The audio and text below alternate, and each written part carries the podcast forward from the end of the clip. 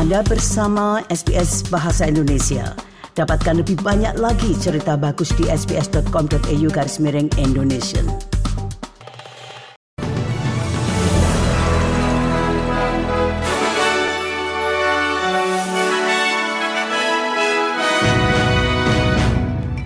Berita terkini SBS Audio Program Bahasa Indonesia untuk hari Minggu 13 Agustus 2023. Pemimpin Partai Liberal New South Wales, Mark Speakman, mengatakan ia akan mendukung suara pribumi ke parlemen. Speakman mengatakan setelah berbulan-bulan refleksi pribadi dan musyawarah masyarakat, potensi imbalan lebih besar daripada potensi risiko. Sementara itu, pemimpin Partai Liberal Australia Barat, Libby Metam, mengatakan ia akan memberikan suara no pada referendum suara pribumi ke parlemen setelah sebelumnya ia mengatakan akan mendukung kampanye yes.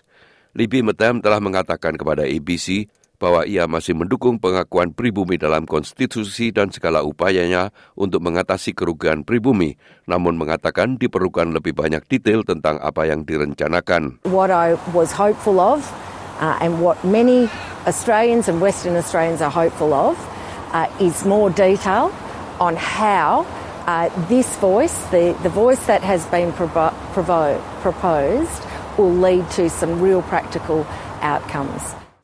Perdana Menteri Anthony Albanese mengatakan industri pertambangan sangat penting bagi Australia dan akan memainkan peran penting dalam masa depan energi bersih. Pernyataan Albanese itu dikeluarkan di Mount Isa setelah berkeliling pertambangan besi yang mempekerjakan 4.000 orang.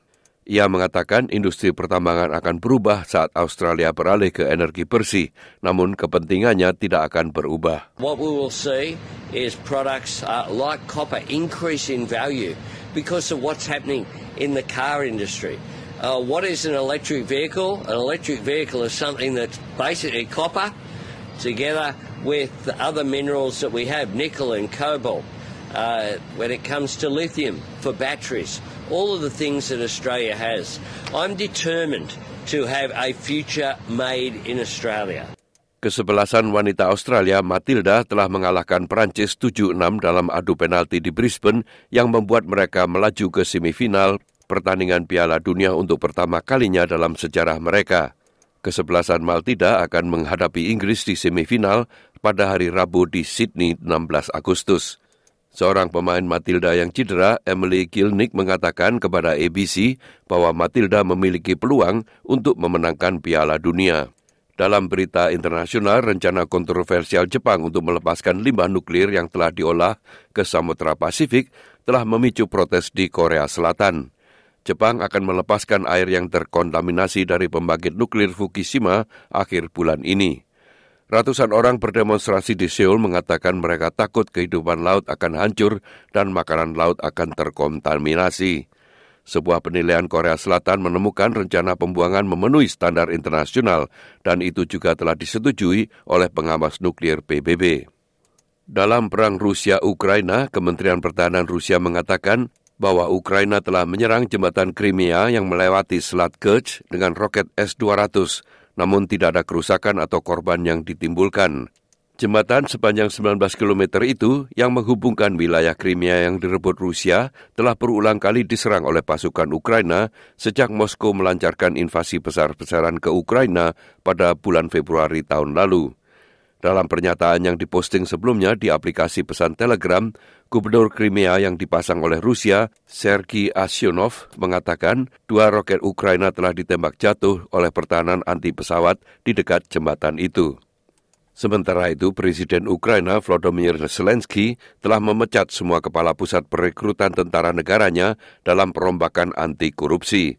Ia mengatakan penyelidikan mengungkapkan pelanggaran oleh para pejabat termasuk pengayaan ilegal dan pengangkutan orang yang memenuhi syarat untuk dinas militer melewati perbatasan meskipun ada larangan masa perang bagi mereka untuk meninggalkan negara itu. Jumlah korban tewas dalam kebakaran hutan Maui telah meningkat menjadi 80 orang dan mengkhawatirkan ratusan orang lainnya dinyatakan hilang. Para pejabat mengatakan biaya pembangunan kembali kemungkinan akan melebihi 8 miliar dolar.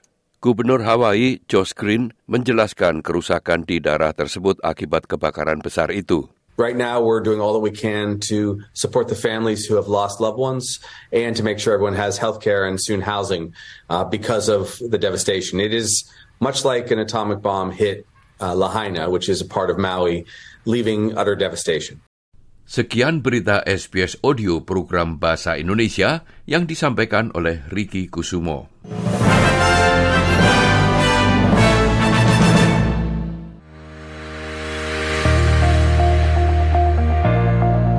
Anda masih mendengarkan siaran SBS Audio program Bahasa Indonesia. Jika Anda ingin menghubungi kami, silahkan menelpon kantor kami di Sydney pada nomor 02 9430 3135 atau kantor kami di Melbourne dengan nomor 03 9949 2208. Anda juga dapat menghubungi kami melalui email pada alamat indonesian.program at sbs.com.au.